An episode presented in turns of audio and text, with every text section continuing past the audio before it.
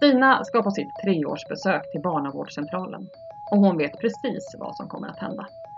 För hon har tittat i broschyren som kom i brevlådan med bilder om besöket. När hon kommer dit visar sjuksköterskan samma broschyr och berättar vad de ska göra. Wilmer, 13 år, är nedstämd. När han är på besök på biblioteket ser han en affisch där det står Du kan få hjälp. När han går in på hemsidan som står på affischen hittar han tips på hur han kan göra för att må bättre och kontaktuppgifter till personer som jobbar med just det han mår dåligt av. Fram över förskolegården forsar Amalia. Hon älskar att springa. Fort och rakt fram. Och det gör hon varje dag. Och som tur är så får hon plats att göra det på sin förskolegård. Det här är vad vi jobbar med och en hel del annat. Lyssna på det här avsnittet så får du höra mer.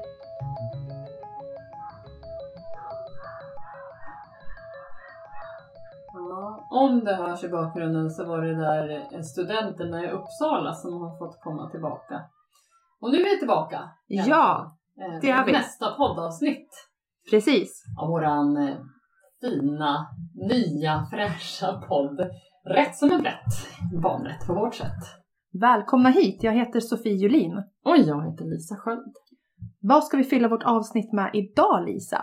Ja, men vi tänkte liksom backa ett steg och eh, berätta vilka vi är och vad vi gör eh, på Barnombudet i Uppsala län. Så då har vi bjudit in två av våra kära kollegor, Martin och Karin. Mm, precis. Och sen ska vi också prata med några ungdomar som jobbar med vår gymnasietidning Word. Eh, och också med några som är verksamma i kommun och region här i Uppsala. Så häng med! Nu kör vi! Det är roligt att jobba med barnrätt. Väldigt många tror att det är krångligt och svårt. Och man kan göra det krångligt och svårt. Men man kan också göra det lite enklare och roligare. Om man vill. Tycker du att det är roligt? Karin? Jag tycker det är fantastiskt roligt. Det, Märks det? det nästan märks, ja. Jag tycker det är fantastiskt roligt. Mm. Och meningsfullt såklart.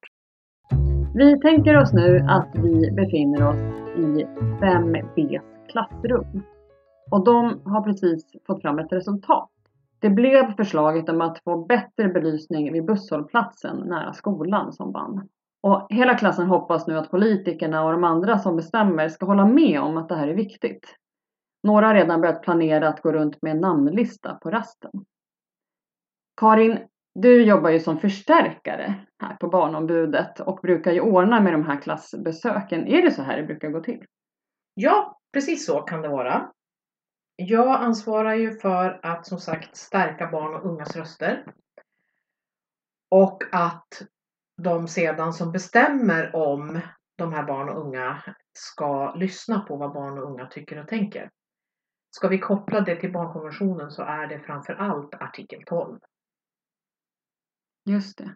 Och vad är det ni, eh, ni jobbar med så att säga? De, de får lära sig om rättigheter då och sen så tar de fram ett förslag. Ja. Eh, vad händer sen? Sen så fortsätter klassen att jobba när vi från Barnombudet har gått ifrån skolan och gått ifrån klassen så att säga, så fortsätter de att jobba med att de som bestämmer om de här sakerna ska lyssna på det här förslaget och förhoppningsvis genomföra det. Och då kan ju det handla om att man ska prata med rektor, eller de ska prata med rektor eller med politiker. Och vi finns då med och kan hjälpa till med kontakt och kanske också hjälpa till och se till att det blir ett möte eventuellt. Just det. Är det bara femteklassare som de här besöken sker? Nej, men huvudsakligen. Men vi har också en insats mot högstadiet där också de här barnrättslektionerna som vi kallar det för ingår. Och är Och det, då- händer de mer på högstadiet? Ja, Mm. dessutom så när vi är på högstadiet så, så träffar, tar vi med oss organisationer och verksamheter som är relevanta för, för barn och unga. Mm. Det kan vara Trappan eller ungdomsmottagningen eller antidiskrimineringsbyrån till exempel. Just det. Och vad är trappan för någonting då? Trappan det är en verksamhet, en kommunal verksamhet som jobbar med barn och unga som har det svårt hemma. Om vi ska beskriva det enkelt. Med oss på de här besöken på högstadiet har vi också kommunpolitiker. Så det handlar ju också om att förstås föra fram förslag men också få ett ansikte på de beslutsfattare som bestämmer om saker i kommunen där man bor. Brukar det funka bra? Det är kanske både och. Jag vet att, att eh, kommunpolitikerna är väldigt intresserade av att höra vad barn och unga tycker och tänker.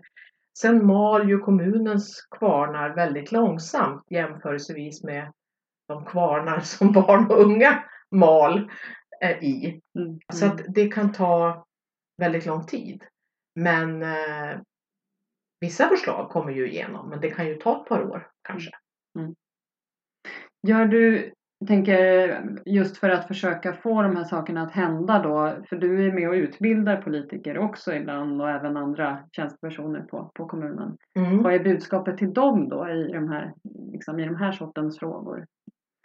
Att förutom att det förstås är viktigt att lyssna så är det också viktigt att ge en återkoppling till de barn och unga som för fram sina åsikter. Även om det är så att man inte kan göra det som de unga önskar så är det viktigt att man i så fall, de som bestämmer, hör av sig och förklarar varför. Det är liksom återkoppling, återkoppling och sen lite återkoppling, brukar jag säga.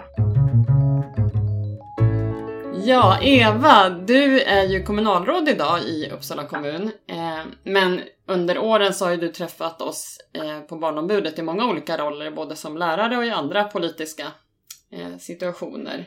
Vad har du sett att Barnombudet kan bidra med? Barnombudet hjälper ju oss att bli bättre på det vi gör. Som kommun eller som eh, fristående, vi kan aldrig veta allting. Eh, och vi blir mycket bättre av att lägga ihop våra pusselbitar.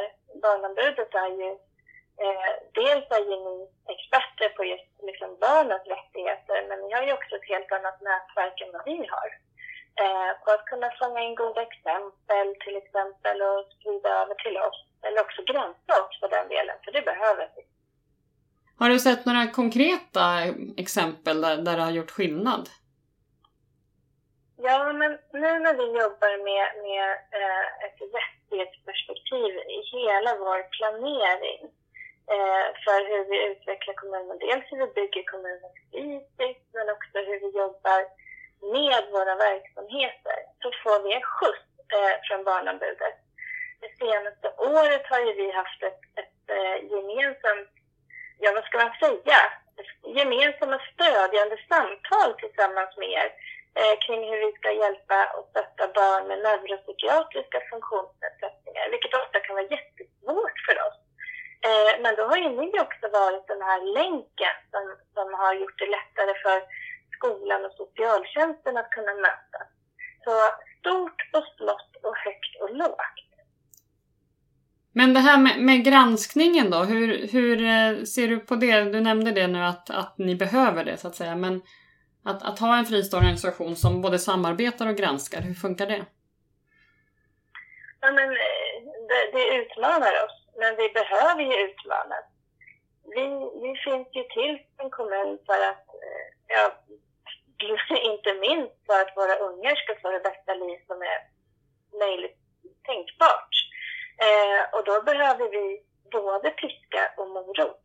Eh, och just att vi har den här relationen, att vi också får stöd av er, det gör ju också att vi som kommun har lättare att kunna ta till kritiken. Dels så kan vi vår kommuns organisation, men dels så har vi också redan upprättade relationer som gör att vi ganska snabbt kan gå på eh, och göra om och ställa tillbaka eller ställa till på ett annat sätt så att det blir bättre. Så jag tänker att det underlättar faktiskt, även om det kan låta märkligt. Jag hör det på din fråga. Om du eh, tänker på i din roll som lärare då, som du också har mött oss. Eh, vill, vill, du kommentera någonting där, vad det har varit för sammanhang? Mm. Jo, men, men eh, som lärare så, så är du ju, det är ju liksom fulla muggar varje dag. Du har en massa saker som du ska göra. Till det så har du en ganska ordentlig tidspress. Och även om lärare har de högsta av ambitionerna och vill komma vidare och utveckla sina metoder för att, ja men till exempel barns delaktighet och så, eh, så så, finns det inte alltid den tiden att kunna sitta och uppfinna det där hjulet själv. Och här har ju vi fått stöd ute i skolorna från er i Barnombudet med massor av konkreta metodstöd. Eh, men också kunna komma in som den här externa parten med pondus och faktiskt kunna prata med föräldrar. Det har underlättat eh, på många sätt. Eh, jag känner att det har liksom byggt på våra muskler i skolan. Det finns ingen annan sån här verksamhet i Sverige. Och nu har vi hållit på i, nu vet jag inte, 88, ja, 33 år som lokal barnombudsman. Det är ju väldigt unikt. I helgen var jag i en lokal som jag insåg först lite senare faktiskt hade varit fritidsgård på 90-talet. Eh, och på en av pelarna inne i den här lokalen så satt eh, ett klistermärke, ganska slitet, eh, där det stod Vill du prata?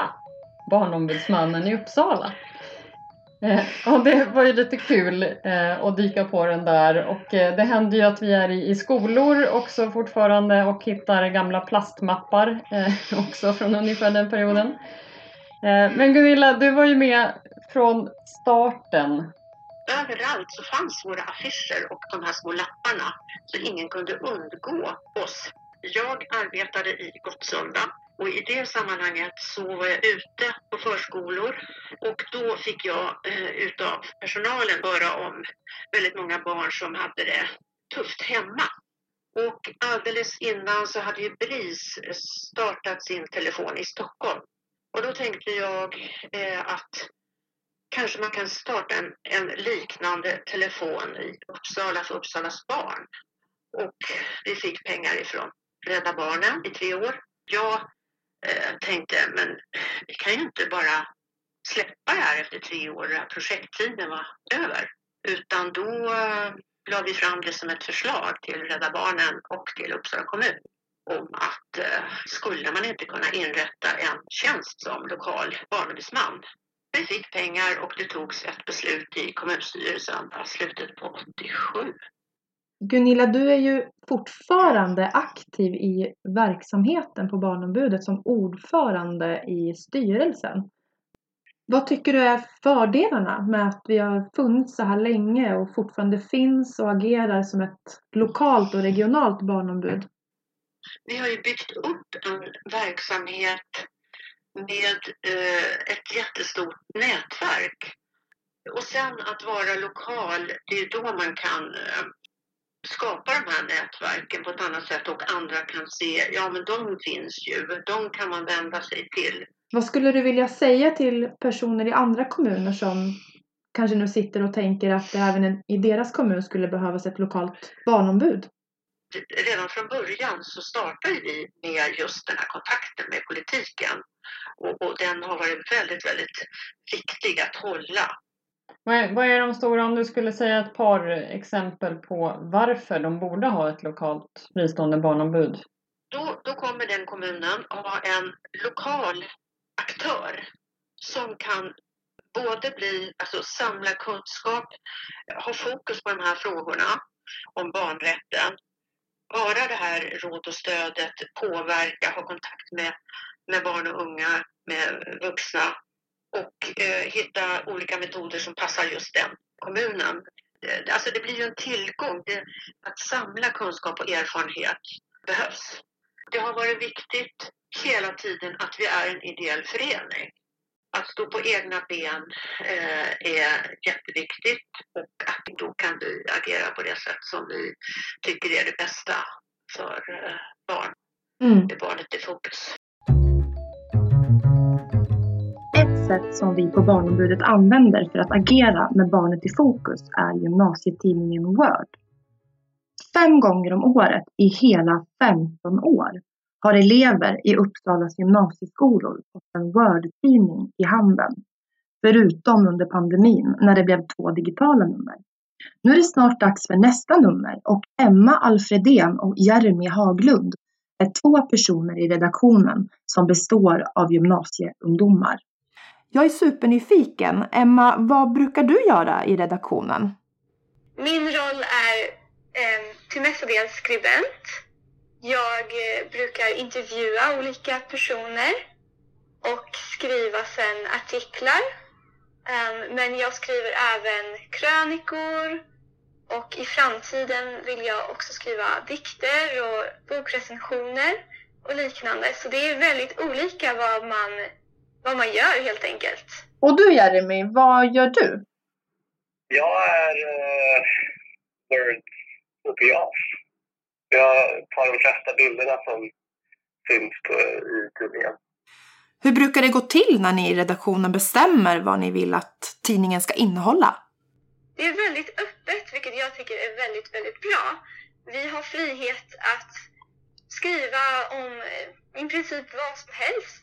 Men det ska helst vara relevant för ungdomar i vår ålder. Um, och det blir ju mycket om aktuella ämnen som klimatet eller politik eller liknande. Men, men vi, vi försöker inspirera ungdomar på olika vis helt enkelt. Vad kul det låter. Vad är det roligaste med att jobba med tidningen Word? Att man har i princip fria händer att prova på det man vill. Dels få träffa andra ungdomar som har samma intressen som mig. Alltså att skriva och lära sig mer om världen och, och eh, samhället runt omkring oss.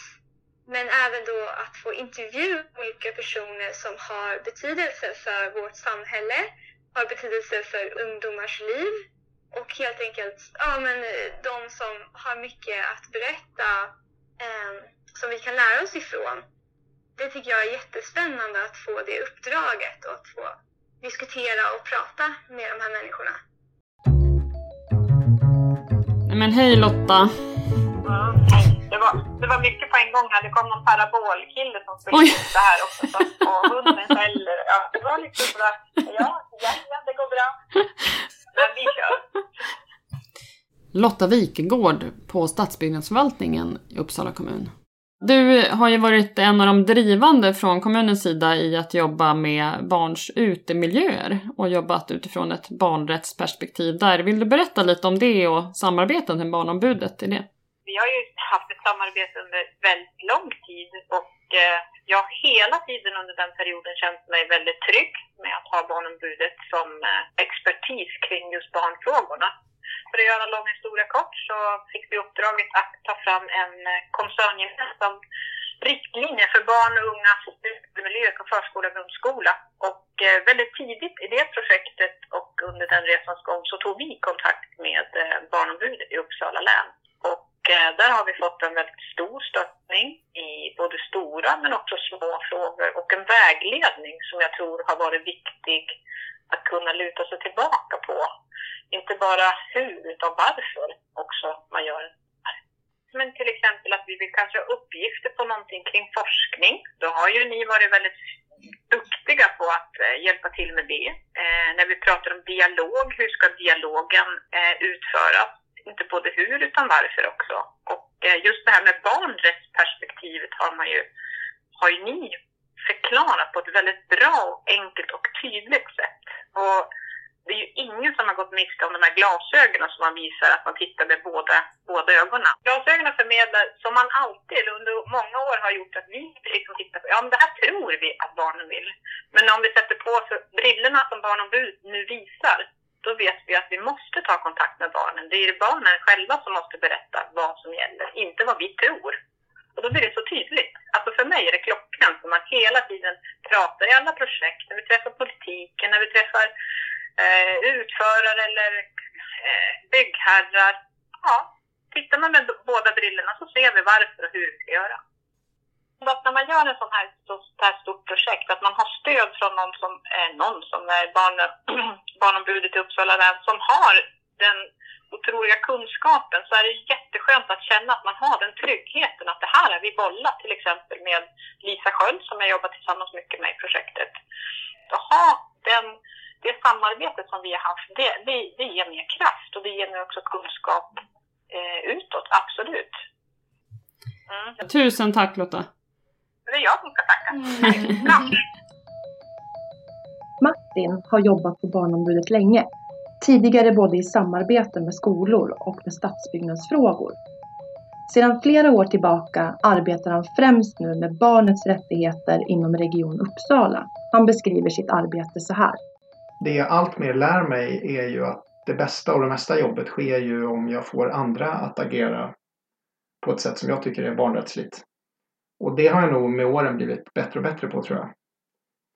Så jag brukar hamna i ganska grundläggande och ibland ganska centrala diskussioner och frågeställningar om vad verksamheter arbetar med. Alltså ett konkret exempel på det som jag kallar då systematiskt arbete är ju att alla förvaltningar, alltså lasarett och kollektivtrafik, hälso och sjukvård, de, de har beskrivit för sig själva vad det är de vill jobba med inom barnrätten. Och då hamnar jag, tänker jag, i, i rätt roll. Jag ger dem råd i hur de upprättar de här planerna. Jag är med och tycker till om vad som är lagoma ambitioner för det arbetet och jag kan stötta dem i det genomförandet. Så det är ju ett konkret resultat, tänker jag, av att arbeta systematiskt. Mm. Eh, om man tittar på Akademiska sjukhuset så är jag där inbjuden idag långt in i verksamheterna på ett sätt som jag tror skiljer sig mycket från många av mina kollegor runt om i landet. Eh, jag bjuds liksom rätt in i verksamheternas eget förbättringsarbete kring barn och unga. Det kan röra sig om hur man ska bemanna intensivvården för barn. Det kan röra sig om hur man ska planera operationer på ett bra sätt. Eller hur man ska ta fram informationsmaterial till barn inför att man ska få en behandling. Och på samma sätt i till exempel Folktandvården där de bjuder in mig att eh, vara med i möten med när de träffar socialtjänsten för att planera sitt samverkansarbete med dem. Eller när de eh, ska förändra bemanningen på en klinik, eh, fundera på vilka kompetenser som behövs just kring omhändertagandet av ett barn i allmänhet eller ett barn som är rädd för tandvården. Så att jag är liksom med på alla nivåer och det är det som jag alltid har trivts väldigt bra med. Mm. Jag är med i de väldigt, väldigt konkreta frågorna och jag är också gärna med i när man skissar på eller vill få till samarbete mellan olika verksamheter. Ja, nu ska jag iväg och utbilda alla nya AT-läkare på Akademiska om barnets rättigheter. En Ja. och en halv timme eh, som ingår i deras eh, grundprogram där uppe. Ja, spännande. Mm. Lycka till Martin. Tack! Martin har också bidragit till att ett patientråd som kallas Unga experter skapades. Erik som är biträdande verksamhetschef på Akademiska barnsjukhuset brukar vara med på deras möten och har arbetat med barnrättsfrågorna på flera sätt. det är ju ett oerhört viktigt eh, kontakt vi har, att vi har de här unga experterna så att vi kan få perspektivet från brukarna som det ibland heter med patienterna. Eller, ja.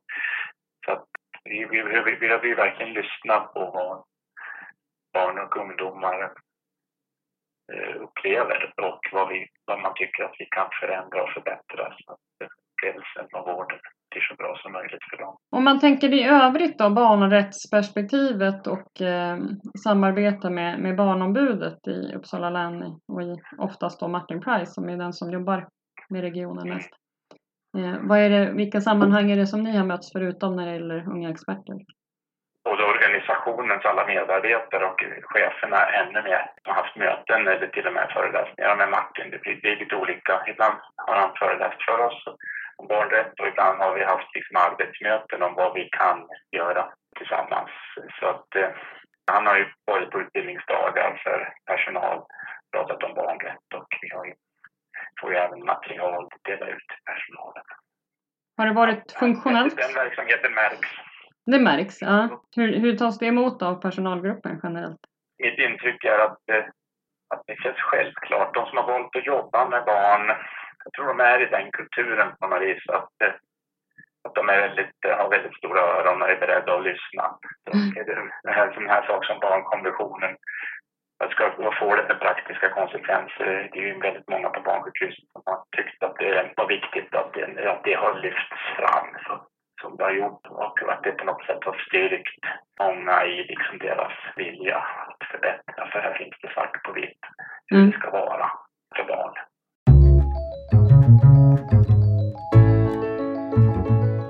Vi avslutar med avsnittet hiss och diss. Dissen blir att det inte finns lokala fristående barnombud nära alla barn i Sverige och vi vet att det är många fler som skulle behöva det. Ja, helt enkelt alla barn i hela Sverige. Och hissen blir? Det blir allt engagemang och all vilja och förmåga som vi möter och som handlar om att förbättra tillvaron och inflytandet för barn och unga. Och att det faktiskt leder till verklig förändring för barn och som inte ens behöver vara varken krånglig, dyr eller ta en massa tid.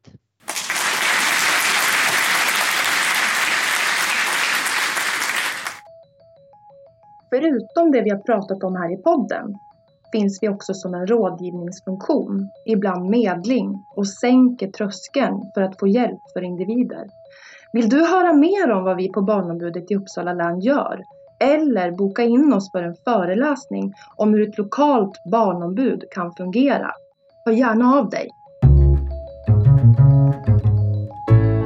I det här avsnittet medverkade Karin Melin, förstärkare på Barnombudet i Uppsala län, Eva Kristianin, kommunalråd i Uppsala kommun, Gunilla Oltner, ordförande i Barnombudet i Uppsala län, Emma Alfredén och Jeremy Haglund, redaktionsmedlemmar för tidningen Word, Lotta Wikegård, bygglovshandläggare på stadsbyggnadsförvaltningen i Uppsala kommun, Martin Price, barnrättslig rådgivare för Region Uppsala på Barnombudet i Uppsala län, Erik Norman, överläkare och sektionschef Akademiska barnsjukhuset.